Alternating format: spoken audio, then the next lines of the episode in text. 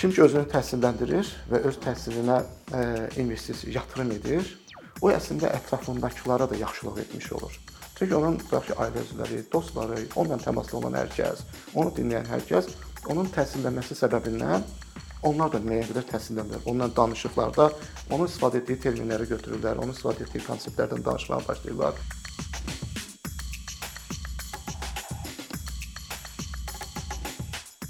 Salam Elçin bəy, xoş gördük sizi. Çox təşəkkür edirəm iştirak etdiyiniz üçün. Mən istəyərdim biz bu gün təhsilin maliyyələşməsi məsələsindən danışaq. Elə bu yaxınlarda da Təhsil naziri bununla bağlı bir açıqlama verdi, xüsusilə məktəblərdə pul yığılması ilə bağlı və onun bu fikirləri cəmiyyətdə bir əks-səda yaratdı. Mən maraqlıdır siz bununla bağlı nə düşünürsünüz? Fərid bəy salam, təşəkkür edirəm. Elə yaxşı məqamdan yaxşı məqamı vurğuladınız. Bu həssas məqamdır elə bu təhsil maliyyələşməsinə aid olan məqamdır. Elə gəldi bizim söhbətimiz də üst-üstə düşdü. Baxmayaraq ki, biz bu söhbətə sizdən təxminən 1 həftədir ki, planlaşdırırıq. E, qeyd edeyim ki, yəni elə bizim planlaşdırdığımız müddətdə də bu belə bir e, bütün cəmiyyətin buna belə bir hadisə baş verdi, cəmiyyətin əks-sədası baş verdi. E, bu adamlar təbii ki, iki cəbhəyə bölündü bu məsələdə. E, mən sizə deyim, bu ümumiyyətlə təzə məsələ deyil. Hələ bir 15 il bundan öncə məhz bu təhsildə iyanələrin yığılması Onunla bağlı bir layihə olmuşdu. Mən özüm də bu beynəlxalq təşkilatın tərkibində bu layihədə iştirak etmişdik. Təhsildə iyanələr necə yığılmalıdır? Hətta bu məşhur bu şəhərdənin ifadə şeydir iştirakçıları bu e, aktyorların köməyi ilə orada bir belə bir e, video belə bir çarx da hazırlanmışdı ki, əslində necə olmalıdır, şəffaf necə olmalıdır və s. Amma e, ilk dəfədir ki, nədənsə belə ilk dəfədir ki, bu bu səviyyədə belə bir e, əks-səda yaratdı cəmiyyətdə. O vaxtın isə cəmiyyətdə əks-səda yaratmamışdı. Yəni bu şəffaf necə olmalıdır? Bir mövqe odur ki, e, yəni bu sanki bir rüşvət rüşvəti leqallaşdırır. Hə, o bir mövqe odur ki, beynəlxalq təcrübədə var da bu iyanələrin yığılması var. Hə, burada mənə gəlir ki, hər iki cəbhə bir məqamı unudur. Yəni iyanələrin yığılması var və olmalıdır və dünya təcrübəsində də var və təhsil mütləq kənardan maliyyələşməlidir. İndi buna gələrik, niyə mütləq kənardan maliyyələşməlidir? Niyə orada bir zəruri element var?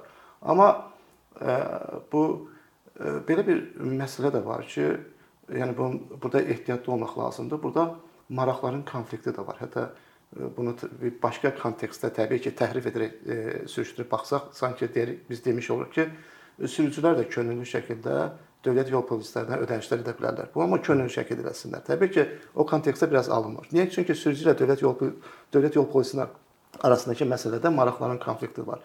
Və burada da valideynlər əslində xidməti alanlardılar və məktəb onun müəllimləri xidməti verənlərdir. Və bunların arasında e, başqa bir ödənişlər baş verdikdə maraqların konflikti də ola bilər. Və həmin maraqların konflikti təbii ki, təhsilin keyfiyyətinə, qiymətləndirməyə, qiymətləndirmə vasitəsilə təhsilin keyfiyyətinə və təkcə təhsilin keyfiyyətinə yox, hətta uşaqların davranışına və məktəbdə alçaldılmasına, bu da bir e, qısnamanın bir növüdür. Yəni sən gətirmirsən, bu gətirib, bu gətirməyib, bu artıq bəzən ola bilər ki, uşaq hətta utandığından mı, qorxusundan mı, hansı müəllimin otağın qabağından düz keçə bilmir, başqa yoldan keçir, gizlənir və s. belə. Təbii ki, buna gətirib çıxarmalı deyil. Buna ehtiyatlı olmaq lazımdır. Ona görə e, valideynlərin məktəbə ödənişindən yox, ümumiyyətlə vətəndaşların məktəbə ödənişindən, ümumi icmanın vətən e, məktəb ödənişindən danışmaq lazımdır. Və bu zaman valideynlər də bu prosesi müəllimlər vasitəsilə etməli deyil. Hazırda bu proses gedən prosesin elə maraqların konflikti yaradan ikinci element odur ki, bunu müəllimlər uşağa dərs deyən müəllimlər vasitəsilə. Niyə? Çünki bu daha asandır. Niyə? Çünki müəllim deyəndə ki, uşağı gətir, uşağın müəllimdən asılı asılılığı olduğuna görə bu cür yığmaq daha asandır.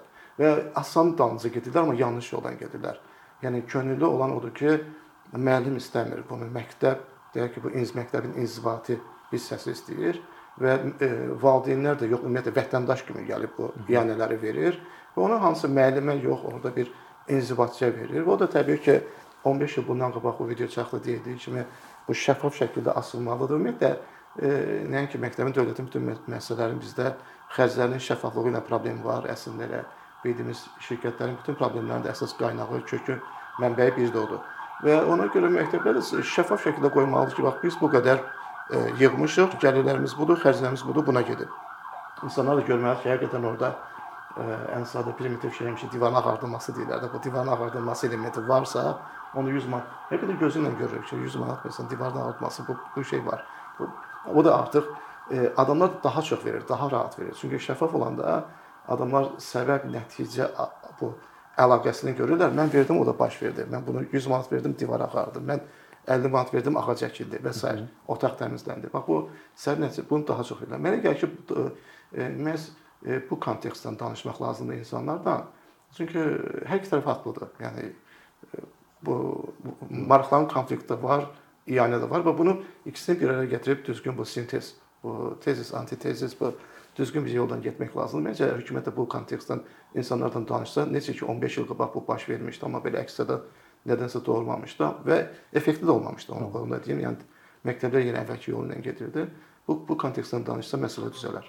Bəlkə də bu sosial şəbəkələrin artıq daha belə geniş şəkildə auditoriyaya xitab etməsi ilə bağlı ola bilər. Haqlısınız. İndi yəqin ki, belə bir şey baş verəndə e, bu daha çox 15 ildən əvvəlkindən fərqli olaraq daha çox insanlara yayılır.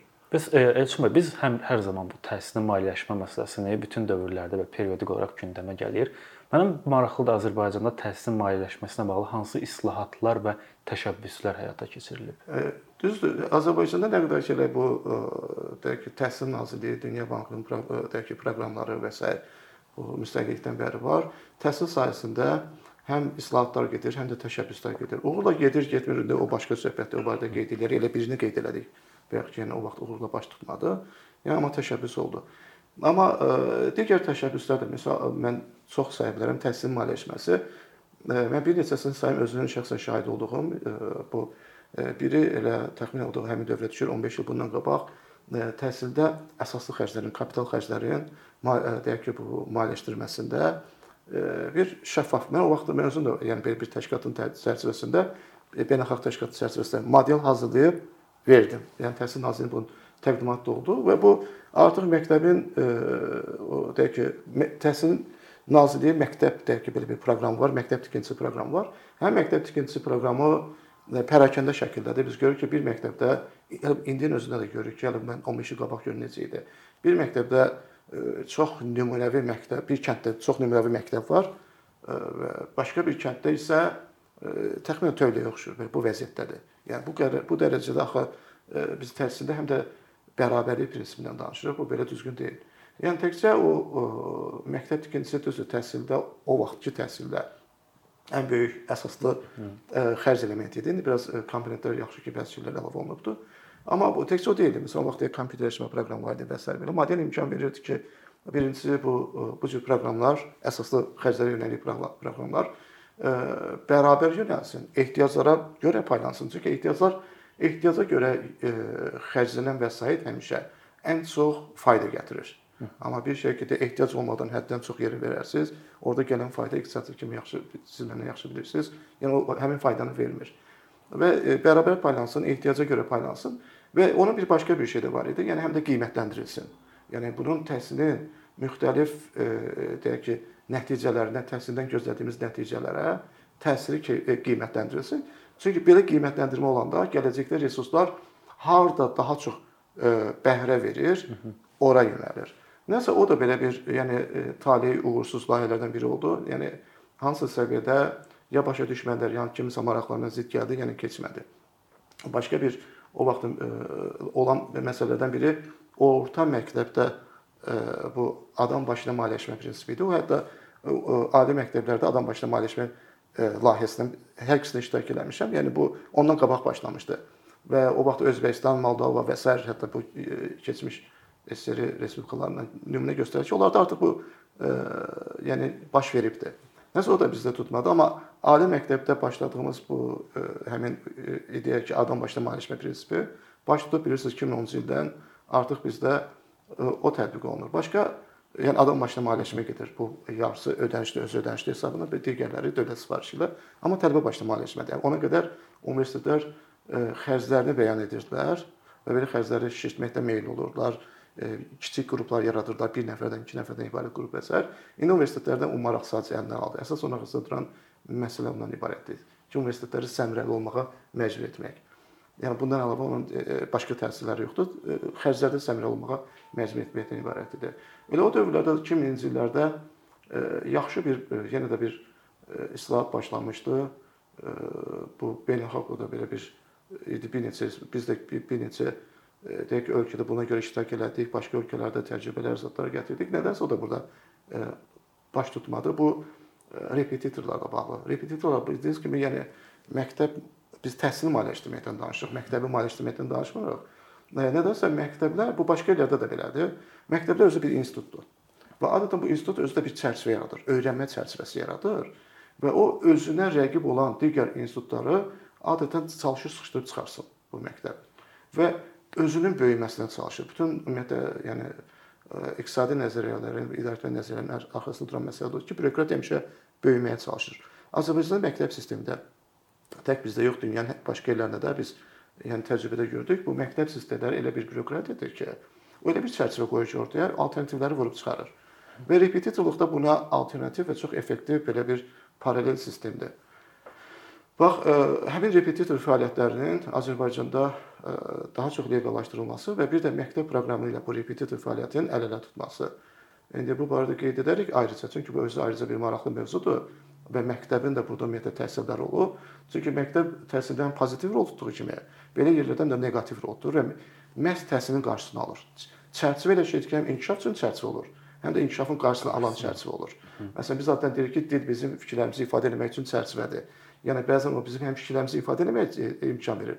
Amma bəzən e, dil, dilin əgər özün e, qrammatik strukturu və s. yaxşı deyilsə, məhdudiyyətlər varsa, əksinə fikir çatdırmağa mane olur. Bax məktəb də belə bir çərçivədir. Bu bax o barədə mən düşünürəm hətta ayrıca danışmaq lazımdır. Digər başqa mən sizə qeyd edeyim bu yaxında Bildiyiniz bu il tələbə təhsil krediti fondu yaradıldı. O da ali təhsilin, o cümlədən bu subbakalavr təhsilinin bu maliyyələşməsi üçün bir maraqlı bir mexanizmdir. Mən ümumiyyətlə bu barədə danışmaq istəmirəm. Nədən? Onun modelini belə bir böyük nəhəng bir data modeli var idi burada. Bankın gəlirləri, itkilər nə olacaq, universitetlərin bakalavr tələbənin perspektivindən, magistr tələbənin perspektivindən bu necə görünür, məsələn, sığortaçının perspektivindən bu necə görünür və s. belə. Bu barədə elə indi bura gələndə elə indi 5 dəqiqə bunun yarım saat bundan qabaq bir Facebook status yazıb çıxdım. Elə orada Hı. onu qeyd etdim. Onun detallar həddən çoxdur. Yəni ona da vaxt vaxtımız çatmayacaqdı. İndi yadıma düşdükcə yenə bu maliyyələşmə ilə bağlı Azərbaycanda baş vermiş digər islahatları və təşəbbüsləri də qeyd edirəm. Əslində var. Əslində belələri var, yadıma düşdükcə. Amma bunların dediyim kimi çoxunun tutmama səbəbi var və tutmamaların da hamısının əslində sonda eyni bir institusional səbəbi var. Əsas məsələ odur ki, burada institutlar bunda maraqlı olmalıdır. İnstitutlar bunda maraqlı olmalıdır və institutların maraqlı olması da burada da ən böyük driver Təhsil Nazirliyidir. Təbii ki, bunun başında duran təbii başqa institutlar da var. O cümlədən digər nazirliklərin də təhsil komponentləri var. Çoxlu nazirliklərin tərkibi nəzdində Xarici İşlər Nazirliyinin, Səhiyyə Nazirliyinin, deyək ki, bu Kənd Təsərrüfatı Nazirliyi və sair tərkibində həm universitetlər var, bəzilərinin tərkibində təlim mərkəzləri var. Təlim mərkəzi də təhsil bir komponentidir. Təhsil Nazirliyinə tabe olmayan digər özəl e, deyək ki, bu təlim təlim e, şirkətləri var və s. belə onlardan heç hesablaşmayan. Yəni bax onlara bir bütöv baxmaq lazımdır. Və bir də Təhsil Nazirliyinin ümumiyyətlə bunun üçün adekvat strategiyası olmalıdır. E, buna adekvat strategiyası olmalıdır. Belə bir əslində strategiya var yəni 2013-cü ildə qəbul edilibdi. 2013-cü ildə qəbul edildi. Amma o strategiyanın problemləri də var. O strategiyanın problemləri odur ki, birincisi o strategiyada e, təhsildən gözlədiyimiz nəticələrin heç biri yoxdur. Məsələn, biz deyik ki, e, təhsil keyfiyyətli olsun və strategiya çox vacibdir. Çünki strategiya həm nəticələri qoyur, həm də resursları. E, təhsilin özəl və dövlət sektorundan gələn resurslarını, o cümlədən xüsusən də maliyyə resurslarını ora səfərbər edir. Təhsil Nazirliyi bu elə özəl sektorunda, dövlət sektorunda bu resurslarını ora düzgün səfərbər etmək üçün belə bir institutdur. Və baxın heç bir keyfiyyət nəticəsi qoymayıbdı. Yəni strateji hədəfləri var. Onun strateji hədəflərinin içərisində bizdə Azərbaycanda təhsilin keyfiyyəti qalxacaqdır. Orta məktəbdə bu məntiq, riyaziyyat, bu verbal deyək ki, bu təfəkkür üzrə PISA qiymətləndirilməsi var. Təəssüf ki, biz həmişə orada axırıncı yerlərdəyik. Bilirsiniz, Avropada axırıncı yerdəyik. SNQ-də tək Qırğızstan çıxmaqla axırdan ikinci yerdəyik və s. Bu yəni təhsildə bizim hamısının əsas göstərici budur, nəticə göstəricisi. Bir növ nəticədən boyun qaçırır. Baxın, təhsilin bir başqa bir şeyi əl çatımlığıdır. Əl çatımlıqla bağlı ki, Azərbaycan hər yerində tutaq ki, ali təhsilə əl çatılmış kənd əhalisinin isə əl çatımlığını yaxşılaşdırmaq. Onunla bağlı heç bir nə, nə şey qoymayıbdı, nə, belə bir hədəf qoymayıbdı. Bərabərliyi ilə bağlı təhsilin hədəf qoymayıbdı. Təhsilin hətta e, siz təəccüblənəcəksiniz, kəmiyyəti ilə bağlı hədəf qoymayıblar ki, məsələn bizdə hal-hazırda universitet təhsil almış insanların e, sayı və faizi, faiz etibarla qonşu ölkələrin hamısından çox-çox aşağıdır. Gürcüstandan 3 dəfə, Ermənistandan 2 dəfə, Avropa ilə müqayisəyə gəlməz dərəcədə aşağıdır. Məktəbə qədər təhsil həmişə deyirik ki, onun əhatə dairəsi o problem kimi qeyd, qeyd edirik, amma orada e, yoxdur, belə bir hədəf yoxdur. Yaxud təhsilin keyfiyyəti təkcə indi bu sayda bu kəmiyyət göstəricisi təkcə sayda deyil, başqa cür kəmiyyət göstəricilərdən yeri gəldikcə qeyd edərik. Amma orada hədəflər var. Yəni hədəfsiz də deyil, baxırıq hədəflər e, resurslar üzrədir. Yəni siz mənə e, resurslar verin, mən daha çox böyüyüm, daha çox istifadə edim, amma nəticə barədə məndən heç nə istəməyin və bu təəssüf ki, bizdə ümumiyyətlə bütün dövlət sektorunda institusional problemdir. Yəni ki, bu kompleks şəkildə hamısında bərabər həll edilməlidir. Yəni nəticə barədə bir şey dediyim, o da təhsilin maliyyələşdirilməsi ilə bağlıdır. Təhsilin dövlət maliyyələşdirilməsi ilk növbədə böyük bir hissəsi, bir hissəsi universitetlərə verilir, başqa dəyişik sahələrə verilir, böyük bir hissəsi də Təhsil Nazirliyinə verilir və Təhsil Nazirliyinin öz büdcəsi var. Və keçən il Maliyyə Naziri gözəl təşəbbüslə çıxış elədi. Dedi, nəticə yönümlü idarəetməni tətbiq edək. Nəticə yönümlü idarəetməni tətbiq edək. Yəni nəticə yönlü idarəetmə əslində nəticə yönlü strategiyanın olmasını da tələb edir. Bəli. Və bunun üçün üç e, deyək ki, institut seçilir. Təhsil Nazirliyi, Kənd Təsərrüfatı Nazirliyi və Ekologiya Ekoloji. Nazirliyi. Pilot layihə. Pilot, bəli, pilot olaraq bunlar seçildi. E, misal üçün e, bax bu Təhsil Nazirliyi buna hazır deyildi. Yəni Təhsil Nazirliyi bu nəticə göstərmək əvəzinə məsələn Maliyyə Nazirliyinə təklif edir ki, misal üçün mən özüm şəxsən şahidiyəm. Məsələn bu bizim e, deyək ki, filan yerdə tədbirimiz var, ora neçə nəfər göndərəcəyik, o qədər adamı maliyyələşdirin və bu da bizim nəticə yönümlü maliyyələşdirmemiz bundan ibarət. Amma nəticə yönümlü maliyyələşdirmə həm strategiya tələb edir ki, sənin e, əl çatımlılığı üzrə, keyfiyyət üzrə bir indikatorlar qoy və sonra bunu izlə və qiymətləndir. Mən sizə deyim, Təhsil Nazirliyində hal-hazırda qiymətləndirmə üzrə, data üzrə e, bu yaxınlarda islahat getməyə başladı amma deyən, yəni yoxdur. Yəni bunlar izlənilmir. Strategiya heç qoyulmayıb da əvvəl izlənməsi üçün qoyulması lazım idi və biz sonra baxmalıyıq ki, nələr bizi ora aparır, nələr aparmır, nələrin təsiri var, nələrin təsiri yoxdur və nəticə yönümlü idarəetmə də budur. Mən özüm şəxsən yenə də elə Təhsil Nazirliyinə uzun müddət bu cür proqram idarəetməsi, strateji idarəetmə, bu cür proqram yanaşması indikatorlar və s. Bununla bağlı konsaltinq vermişəm, yəni təlim vermişəm. Və bu da e, təhsil maliyyələşməsində və onun qaydalarını da işləyib hazırlamışıq. Amma tək Təhsil Nazirliyi yox, o mən Dövlət Maliyyəsinin mütəxəssisi kimi, o cümlədən Təhsil Nazirliyində tək Təhsil Nazirliyi yox, heç bir e, deyək ki, dövlət qurumu e, bunu qəbul eləmir və səbəb də bəllidir. O cümlədən statistik təhlillə bağlı ayrıca belə bir böyük uzun müddət elə Təhsil Nazirliyinin özü ilə, yəni bu cür şeyləri izləmək üçün monitorinq və qiymətləndirmə özü ayrıca bu proqramların idarə edilməsi ayrı-ayrı layihələrin feasibility-ləri var, onlar indi daim verilir, veririk, amma o o da bir təhsil maliyyələşdirməsini yaxşılaşdırmaq üçündür. Amma onunla da bağlı qaydalar qəbul edilmir. Amma həm bu o o o da öz yerində, yəni bu feasibility texniki iqtisadi qiymətləndirmə ki o imkan verir ki, ayrılan əsaslı xərcləmələr düzgün təyinat üzrə daha çox nəticə versin.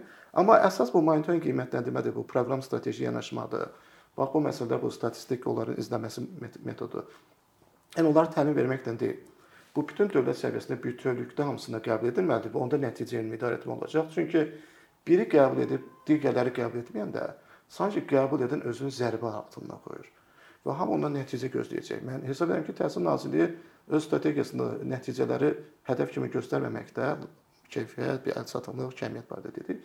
Əslində bir ə, e, ağıllı bir iş addım atıbdı. Yəni belə sözün bir başqa mənasında ki, özünü hədəfə qoymur. Onlar orada olsa sabah ondan istəyəcəklər ki, bax sən belə hədəflər qoymuşdun ki, 2013-cü ildə demişdin ki, 2020-ci ildə biz buna buna nail olacağıq. Ki biz bununla bağlı Hanı... 2020 gələcəyə baxış inkişaf konsepsiyası bir modeli var. Orada hə, bəli. var idi o indikatorlar və əksəriyyətinin sonda daha çox indikatorlar 2016-cı ilin ildə qəbul edilən strateji yol xəritələrində var idi.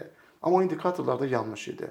Mən özüm onların hazırlamasında iştirak etmişəm və o indikatorların da yanlış olmasını onlara ünsiyyət etmişəm. Yəni yazılı şəkildə ən azından ünsiyyət etmişəm və o indikatorların olmadan o 2016-cı yol xəritələrinin ümumiyyətlə tutmayacağını demişəm ki, tutmaması labüd. Yəni e, siz deyirsiniz ki, bu belə-belə wish listlər bir sanki ürəyim istəyənlərin belə bir e, siyahısıdır.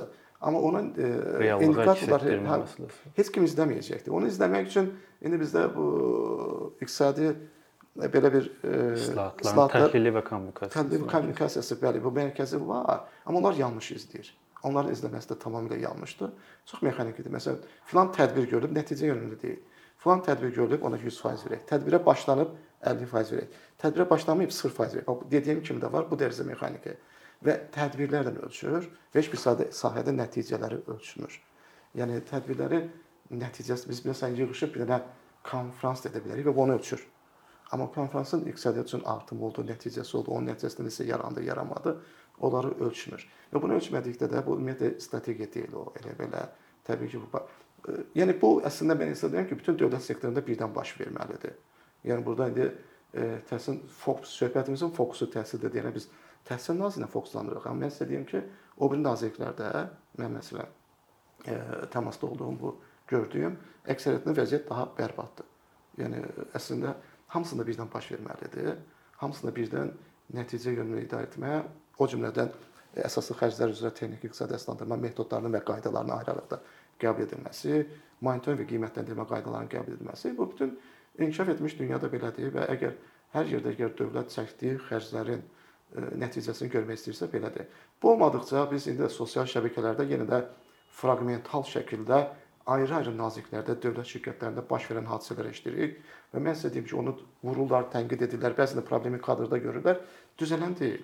Yəni elə hansı sadəcə əlimizə çatır, əlimizə keçir, onu vururuq, amma e, məsələnin sistemin özündə problem var. Sistem düzəlməyincə elə bu cür fraqmental hadisələrin baş verməsi sadəcə labüddür. Başqa cür olması e, təəccüblü olardı. Bəs e, Elçin bəy, hazırda Azərbaycanda təhsil necə maliyyələşir? və necə maliyyələşməlidir? Bunun bir nəzəri əsasları necədir? Hə, təşəkkür edirəm. Əslində e, elə dünyada necə maliyyələşməlidir? Bu yəqin ki, bu ümumiyyətlə iqtisadi nəzəriyyədən gəlir, dünyada dünya təcrübəsindən və s. belə. E, bu mən keçdiyim dərslərdən deyim, uzun müddət digər universitetlərdə bu policy analysis, bu iqtisadi siyasətin təhlili dərsini deyirdik. Son vaxtlar elə oldu ki, bir neçə il qabaq bunu deyək ki, bu Ad Universitetində bir ayrıca təhsilin idarə etməsi belə bir magistr tələbələr də yarandı. Onlara da bunu keçmək şansı yarandı. Yəni birbaşa onları hətta özünə o, o baxımdan birbaşa bir yaxdan ümumi iqtisadiyyat tələbələrinə idi. İndi birbaşa və yaxud idarə etmə tələbələrinə idi. İndi birbaşa o hansı kimlər ki ən azından təhsil idarə etməsindən gələcəkdə məşğul olması karyerasını nəzərə almış insanlara o sayədə Və orada əsas e, təhsil e, dövlət tərəfindən ona görə maliyyələşməlidir ki, yəni digər əmtələrdən, deyək ki, otel xidmətindən və s. E, fərqli olaraq çoxundan fərqli olaraq təhsildə biz deyirik müsbət yan təsirlər var. Və yəni bu o deməkdir ki, kim ki özünü təhsilləndirir və öz təhsilinə investisiya, yatırım edir, o əslində ətrafındakılara da yaxşılıq etmiş olur. Çünki onun tutaq ki, ailə üzvləri, dostları, onunla təmasda olan hər kəs, onu dinləyən hər kəs onun təhsillənməsi səbəbindən onlar da müəyyən qədər təhsillənirlər. Onunla danışıqlarda onun istifadə etdiyi terminləri götürürlər, onun istifadə etdiyi konseptlərdən danışmağa başlayırlar, həmin paradigmaları mənimsəyirlər və s. Ümumi digərlərində, yəni ki, baxmayaraq ki, adamlar öz təhsillərinə heç bir e, yatırım eləməyiblər. Sırf ondan. Yəni bu yan təsirdir, yayılır. O bir tərəfdən təhsil bir də e, araşdırmalar göstərir ki, təhsilli cəmiyyətlərdə cinayətin səviyyəsi aşağı düşür. Aşağı düşdüyünə görə iqtisadiyyat böyüyür. Həm bu təhlükəsizlə bağlı Xərclər, əlavə xərclər qənaət edirsiniz. Həm həbsxanalarla bağlı xərclərdə qənaət edirsiniz. Həm də cinayətin səviyyəsi aşağı düşəndə ümumiyyətlə məhsul, əmək məhsuldarlığı artır. Əmək məhsuldarlığı artdığına görə də orada müxtəlif səbəblərdən yəni iqtisadiyyat böyüyür. O baxımdan yəni bir adam ki özünün təhsilinə pul yatırır, o əslində hamı üçün yaxşılıq edir. Və onda o özünün təhsilinə kifayət qədər yatırmaya bilər. O səmərəli nöqtə, bu ekvilibrium nöqtəsi, səmərəli nöqtəsi almayacaqdır. Və bu mütləq e, kənardan əlavə subsidiyalaşmalı. Eyni şeydə e, misal üçün zərərli vərdişlərin üzərinə aksiz vergisi və s. tətbiq olunanda ki, əksinə onlar azaldılmalıdır səmərəli nöqtəyə gəlib çatması üçün. Ona görə burada ümumi e, yəni kollektiv deyək ki, büdcədən kollektiv büdcə dövlət büdcəsidir. Yəni kollektiv büdcədən ora əlavə yəni yardım edilməlidir, subsidiyalaşdırılmalıdır bu fəaliyyət. Eyni zamanda başqalarının da cəmiyyətdə bu cür tək ki, kimsə icma məktəbə yardım edirsə, bizim söhbət əvəzində dediyimiz, bu da onun bir növüdür. İnsanlar məhz ona görə özləri bilmədən, deyək ki, iqtisadi nəzərin bəzən bilmədən, amma e, intuitiv olaraq bunu hiss edirlər və bunu edirlər. E, yəni bunu iqtisadçı kimi yox, intuitiv şəkildə bunu başa düşüb edirlər. Yəni o baxımdan təhsilin kənarda maliyyələşdirilməsi lazımdır. Dövlət tərəfindən maliyyələşdirilməsi lazımdır, amma bunu düzgün etmək lazımdır. Çünki e, bazar iqtisadiyyatında hər şey e, maliyyələşdirmənin yaratdığı stimullardan, onun verdiyi bu insentivlərdən asılıdır. Və insanlar davranışlarını mikroiqtisadi səviyyədə ona görə əyarlayırlar, ona görə nizamlayırlar və bu baxımdan maliyyələşdirməni düzgün etmək lazımdır. Məsələn, bizdə mən bir şeylə təəccüblü qeyd edim ki, biz bir tərəfdən belə deyirik, e, yəni amma o bir tərəfdən baxın təhsil işçilərinin e, əmək haqqısından vergi, vergi tutulur. Məsələn, təhsil müəssisələri düzdür yaxınlarda ƏDV-dən azad edilsə, amma təlim şirkətləri ƏDV ödəyicilər. Yəni təlim şirkəti o da təhsilin bir qoludur, qeyri-formal təhsil olmalıdır. E, və bəzən o, o bir təhsilin daha effektiv olur yeri gələndə. Və onlardan da vergi tutulur. Yəni biz subsidiyalaşdırmalı olan bir fəaliyyət növündən biz subsidiyalaşdırmırıq, heç olmasa vergi tutmayaq. Yəni bax belə bir məsələ var. Amma hansı ki bəzi sahələr var ki, ə, biz ə, kənd təsərrüfatı sahəsi, sahəsi və s. ola bilər ki, vergiyə başqa başqa sahələr də var ki, bu yaxında qızıl və s. hansı ki vergiyə cəlb edilir. Əgər biz gələcəyə bir innovasiya və bilik iqtisadiyyatı qurmaq istəyiriksə, bu cür bilik tutumu az olan və qeyri-innovativ sektorları əslində biz bu cür bəsləyirik Amma məhz innovativ bilik sektoru tutumu çox olan sahələrdə isə ya əmək haqqı formasında, e, bəzilərdən ƏDV-də tutulur, indi universitetlərdən tutulmur və e, digər formalarda, yəni bu e, gəlir vergisi formasında, gəlir vergisi müəssisənin özündə, mənfəət vergisi formasında və s. yəni bu vergilər tutulur. Bax mən hesab edirəm ki, bu özü də düzgün deyil. O cümlədən onların istifadə etdiyi vəsaitlər, avadanlıqlar, hətta kitablar var. Bunlar hamısı təbii ki, bu düzgün təhsilin düzgün maliyyələşdirdiyi cəmiyyətlərdə hamısı nəinki vergilərdən azad, həm də müxtəlif formalarda təşviq olunur. Subsidiyalaşdırılır, təşviq olunur. Bəli. Bəs Elçin bəy, özəl və dövlət sektorunun bu təhsilin maliyyələşdirilməsində iştirakı hansı formada olmalıdır? Yaxşı sualdır. Biz bayaq yadımdadır ki, bu repetitorluqdan bağlı məsələdə də bir bookmark qoymuşduq ki, bura qayıdacağıq. Və istəyirəm onu da elə bir yerdə bu sizin sualınızdan birlikdə ikisinə cavab verim. Baxın, bu dövlət sektoru böyük bir hissəsi bu dedik ki, bu orta məktəblərdə Azərbaycan dövlət sektorundan bizdə təhsil icbaridir və hamı bu orta, orta məktəb deyək ki, bu sistemindən keçməlidir. Buradan tərəfə keçməlidir. Dövlətin rolu bu məktəbləri yedizdirmək olmalı deyil. Və bəzən müəllimlər işsiz qalar və s. belə dövlətin rolu, rolu burada əsas burada müştəri hədəf qrupu şagirdlərdir ki, onlar yetişməlidir, böyüməlidir. Və bu da e, paralel yollardan da biri repetitorluqdur. Elə böyüyün qoyum onu deyim ki, bizdə təəssüf ki, hal-hazırda bu homeschooling, evdə təhsil də hal-hazırda təəssüf ki, e, dəstəklənmir. Misal üçün mən sizə deyim, e, mən çoxlu adam tanıyıram elə özündə adətən belə şeylər çox üstünlük verirəm, amma e, ki özü öz uşağını özü təhsilləndirir də, amma bunu etmək üçün sən eyni zamanda uşağın məktəbdə qeydiyyatda olmalıdır. E, sən məktəbə əgər Bakıdasansa, bunun qiyməti təxminən bilir 2000 manatdır 1 ili. Bu 11 ilə vuranda 22 min manat eləyəcəkdir. Yəni olubsa rayonlarda bu qiymət də yerinə görə dəyişir. Yəni sən bu qədər məktəbə ödəniş eləməlisən ki, uşağın adı güya məktəbdə gedirmiş kimi getsin ki, sən uşağına kənarda özün istədiyin təhsili verə bilərsən. Və bu halda məktəb e, sistemi e, təhsilin qarşısında maneədir. Sən məktəb sistemini deyək ki, təhsildən e, razı deyilsən, hesab edirsən ki, orada 40 nəfər tələbə, şagird oturur bir də şeydə belə də hal-hazırda vəziyyət kifayət qədər ona diqqət çatmır. Ola bilsin oradakı müəllimin keyfiyyətindən razı deyilsən, özün istədiyin müəllimləri tutmaq istəyirsən və harasa bir qruplaşmaq və s. istəyirsən.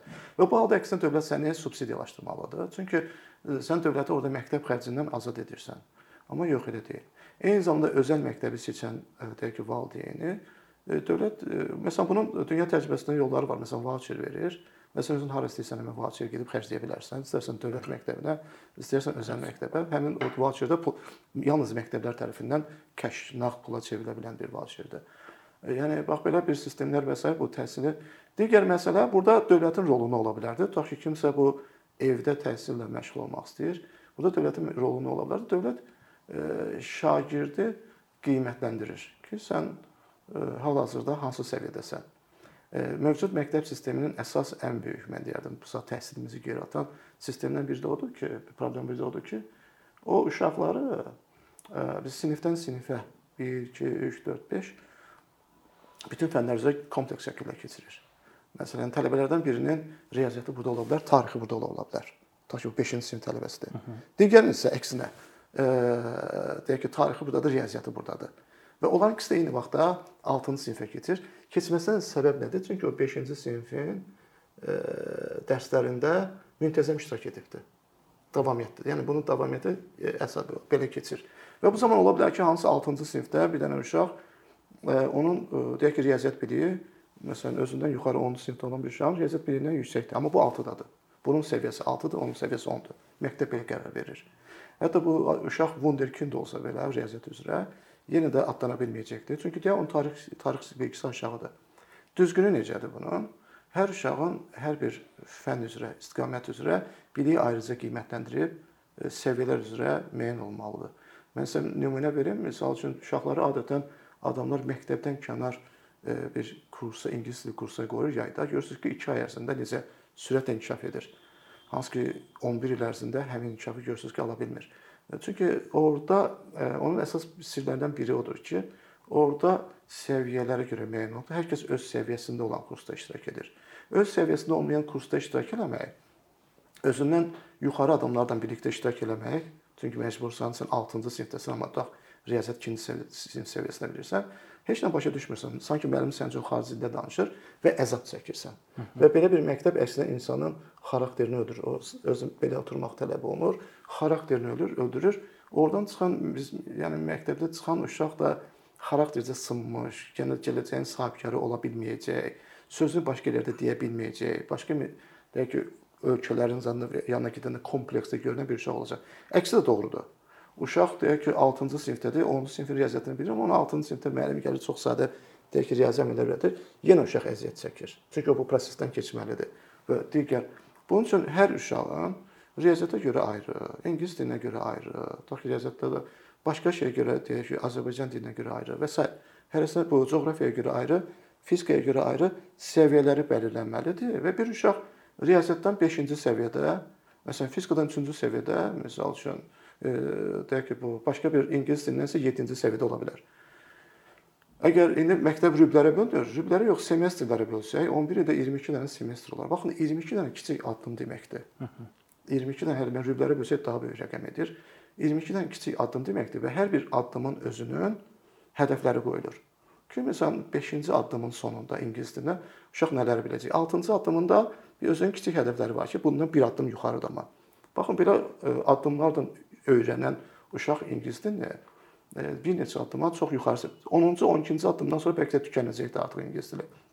Bunun üçün ona ingilis, nə bilim bu klassik ədəbiyyatını təhlil edəcək, ötəli etmək öyrədəcək müəllimlər lazımdır. O da təbii ki, belə müəllimlər də yoxdur. Cəmi bir neçə addım. Yəni burada resurslar da qənaət olunacaqdır.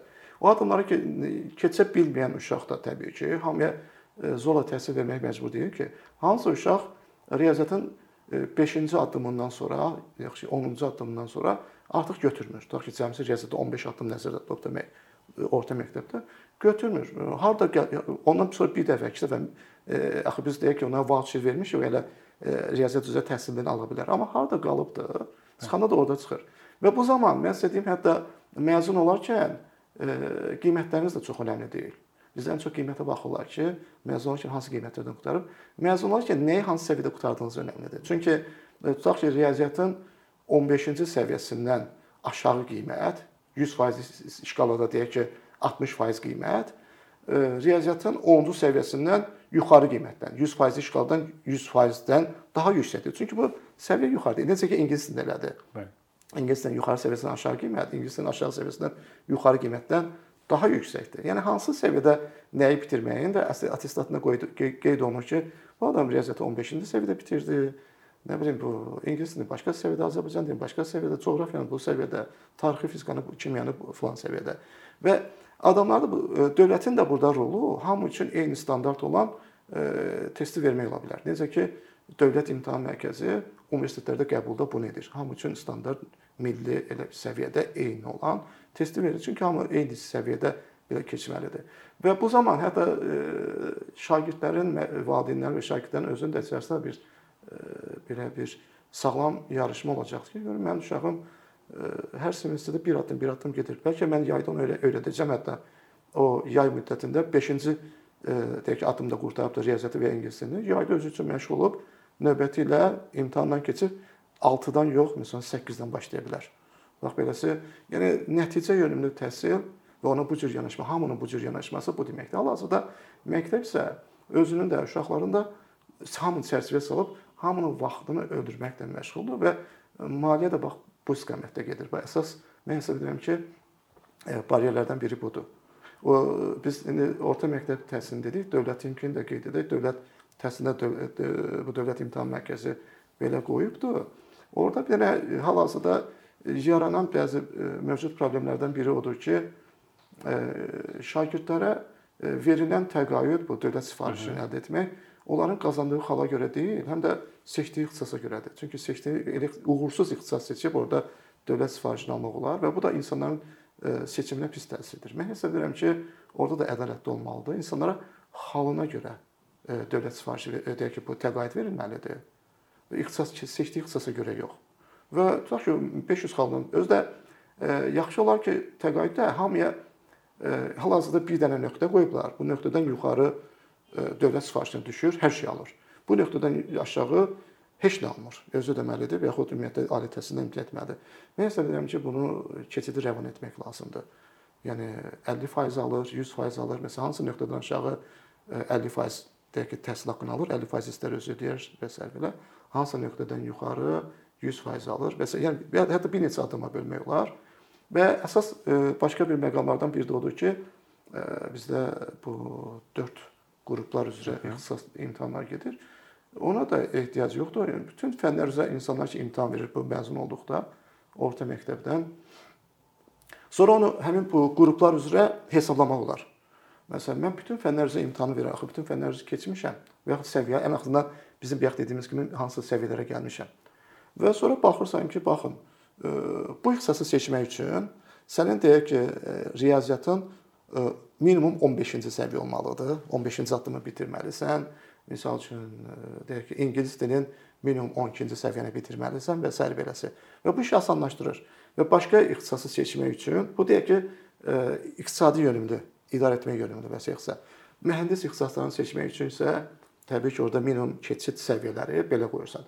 Necə ki, bu şeydə belədir, deyək ki, bu xarici universitetdə qəbullarda deyirlər ki, məsələn, sənin ingilis dili üzrə, məsələn, advanced olmalısan, yaxın olmalısan belə.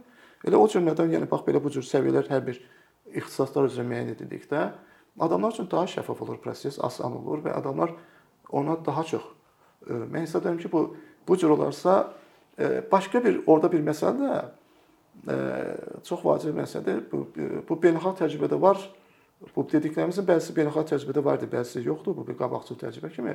Bu amma beynəlxalq təcrübədə var. Məsələn, bizdə İqtisad Universitetinə girəndə artıq tələbə e, birinci kursda hansı ixtisasda oxuyacağını, yerdə qalan 4 ilini hansı ixtisasa həsr edəcəyini və bəzən də sevmədiyi halda qurban verəcəyini bilir. Amma beynəlxalq təcrübədə e, ilk 2 ili hələ onlar ixtisas seçmirlər. Əgər siz İqtisad Universitetində sizdə səhvləmirəmsə məzunu kimi, Bəli. hə bilə, bilməlisiniz ki, bu ilk 2 ildə ixtisasdan sonra bütün tələbələr eyni şeyi keçir. Hətta 3-cü kursda bəzisi, yenə bəzi üst-üstə düşən fənlər var. Yəni o seçimi 2 ildən sonra etmək olar. Və e, bəzən çox ixtisasların adı, adı bu orta məktəbi bitirmiş şagird üçün hələ heç nə demir. O, o adlar çoxu ona abstrakt səslənir. Şəxsən mən özüm o, o yaşımı xatırlayıram. Mənim üçün o vaxt e, düz o vaxt sistem başqa idi, SR vaxtı idi, amma yenə də o ixtisasların çoxunun adı mənim üçün abstrakt səslənirdi və o seçimin də düzgün olmaya bilərdi. Amma 2 il İqtisad Universitetində oxumuş və yaxud 2 il mühəndislik universitetində oxumuş tələbə 2 ildən sonra nəyi çox istəyir və nə daha çox onun ürəyincədir, nə daha çox bazara uyğundur və s. ona uyğun düzgün seçimini edə bilər. Və burada çox vaxt ona fikir verirlər ki, müəllimlər o dərsi deyəcək və s. Bilirsiniz, məsələnin supply bu e, təklif təchizat tərəfinə baxmaq lazım deyil. Həmişə atı arabanın önünə bağlamaq lazımdır. Təklifə bu e, universitetin e, bütün məğzi də, məqsədi də, onun əvvəldən qoyulan bu d'être, bu orada olmasının yeri də bu müəllimlərə qulluq eləmək deyil, axı bu tələbələri yetişdirməkdir sona qədər. Ona görə belə bir tələbə yönümlü olmalıdır. Əsas məsələ məktəb yönümlü yox. O deyək, bayaq dediyimiz ki, hal-hazırda məktəb yönümlüdür bizim təhsil sistemi. Universitet yönümlü yox, bütün maliyyələşdirmə sistemi bunu tələb edir. Hətta kimsə məktəbə alternativ olanda onu cəzalandırırsan, gətir məktəbə əlavə pul verməlisən ki, uşağın adı getsin s. Yəni o mövcud institutlara xidmət etməli deyil təhsil bütün maliyyələşməsi sistemi, insanlar. Çünki institutlar bizə xidmət etməlidir və xidmət etməyən yerdə geri durmalıdır, yan, yan durmalıdır, yol açmalıdır. Çox təşəkkür edirəm maraqlı cavablarınız üçün Elçin bəy, çox şad oldum. Çox sağ olun Fərid bəy, təşəkkür edirəm dəvətinizə görə. Sağ olun. Sağ olun sizdən.